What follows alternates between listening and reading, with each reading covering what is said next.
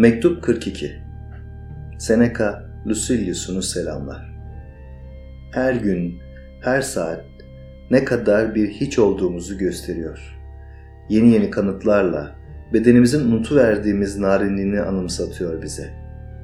Ölümsüzlük hayali içinde olanları ölümü göz önüne almaya zorluyor. Bu giriş de niçin diye sorarsan dinle şimdi. Roma atlısı, o saygıdeğer nazik Cornelius Senesio'yu tanırsın. Önemsiz görevlerden başlayarak kendi gayretiyle ilerledi. Başka görevler için çıkacak bir tek basamağı kalmıştı. Mevkiler başlangıçtan sonra daha kolay gelişir. Para da fukaralığın yöresinde çok oyalanır. İnsan fukaralıktan zar zor çıktığı zaman da yerinde sayar durur. Zenginliğe erişmişti artık Senesio. Bu varlığa çok etkili iki niteliği eriştirdi onu hem kazanmak hem de korumayı bilmek. Bunlardan yalnız bir teki onu zengin etmeye yetebilirdi. Çok sade yaşamı olan, bedenine de varlığına da çok özen gösteren bu adam bu sabah adeti üzere beni görmeye geldi. Bütün gününü gece geç vakte kadar yatağa düşmüş çok hasta, yaşamından umut kesilmiş bir arkadaşının başucunda oturarak geçirmiş. Neşeyle yemek yerken ağır bir hastalık yapıştı boğazına. Bir angina ağrısı. Sabaha kadar daralan boğazından zor soluyabiliyordu. Bu yüzden birkaç saat içinde sağlam, sağlıklı bir insanın yapabileceği bütün görevlerini yaptıktan sonra öldü gitti. Senesio hem denizde hem karada işletiyordu parasını. Hiçbir çeşit kardan geri kalmamak için devlet arazisini işletme işine de girmişti. İşlerini tam yoluna koymuşken paranın dolum akım geldiği bir zamanda ayrılıverdi aramızdan. İnsan yarınına bile sahip değilken yaşamını düzenlemeye kalkmak ne budalaca bir iş. Uzun hayaller peşinde koşanlar ne kadar akılsız. Satın alacağım, yapı yapacağım, borç alacağım, görevler yapacağım. Arkadan da yorgun ve olgun bir ihtiyarlığı dinlemeye çekileceğim. İnan bana her şey kutlu insanlar için bile kuşkuludur. Hiç kimse ilerisi için kendisine bir şey vaat etmemeli. İnsanın avucunun içindeki her şey kayıp gidiverir avucundan. Avucumuzun içinde sandığımız saatte bile bir aslantı koparır onu bizden.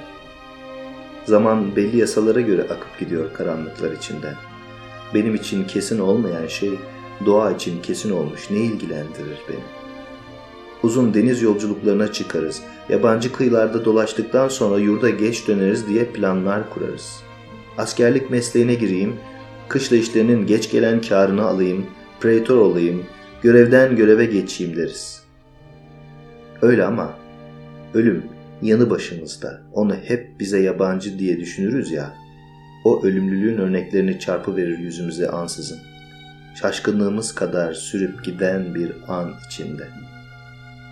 Her gün olabilecek bir şeyin bir gün vermesine şaşmak ne kadar akılsızca bir iş. Kaderlerin bükülmez kolu her birimize bir yerde bir son belirlemiştir. Ne var ki hiçbirimiz bu sona ne kadar yakın olduğumuzu bilmeyiz. O halde biz ruhumuza sanki son sınıra gelmiş gibi bir düzen koyalım. Hiçbir şeyi ileriye atmayalım. Her gün hesaplaşalım yaşamla. Yaşamın en büyük hatası şu, her zaman tamamlanmamış kalır. Hep ertelenir bir şey. Her günkü yaşamının işlerini bitiren insanın zamana gereksinmesi olmaz ki. İşte bu gereksinmeden doğar korku. İnsanı yiyip bitiren yarının açlığı. Gelecek günlerim nasıl olacak diye kuşku içinde olmaktan daha zavallı ne vardır? Ne kadar zamanın kaldı? Ya da nasıl bir yaşam kaldı? Zihnin bu olasılıklar içinde anlatılmaz bir korkuyla çırpınır durur. Bu burgaçtan kaçınmanın yolu nedir? Bir yolu var. Yaşamımız ilerisi için bir hesap yapmazsa, kendi içine çekilirse kaçınırız bundan. Çünkü bugününü boş geçiren, değerlendirmeyen insan geleceğe bağlı kalır. Kendi kendime yapmakla görevli olduğum her şeyi yaptımsa, oturuşmuş aklım bir günle bir yüzyıl arasında fark olmadığını anlarsa, gelecek günleri, olayları yukarıdan seyrederek çağların sıra sıra geçişini hayal eder güle güle. kesin olmayan olasılıklara karşı senin kesin bir tutumun olursa, rastlantıların değişik, oynak olması niçin alt üst etsin seni? O halde Lüsüllis'un acele et yaşamakta. Her gününü ayrı bir yaşam say.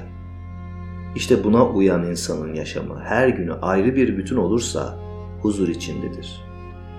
Hep umut içinde yaşayanlar için en yakın zaman bile kayar gider.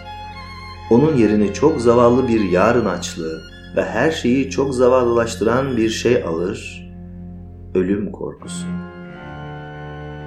Maessenas'ın o çok çirkin dileği bundan doğar işte. Her türlü hastalığa, beden kusuruna, hatta sivri kaza razıdır. Yeter ki soluğu bu felaketler içinde sürsün gitsin. Eğer fırsat bulunursa işin en acıklısı bile istenir. İşkenceyi uzatma pahasına yaşam dilenilir sanki.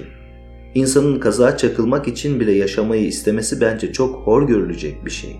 Sen beni sakat yapabilirsin, yeter ki aksak, işe yaramaz bedenimde soluğum kalsın.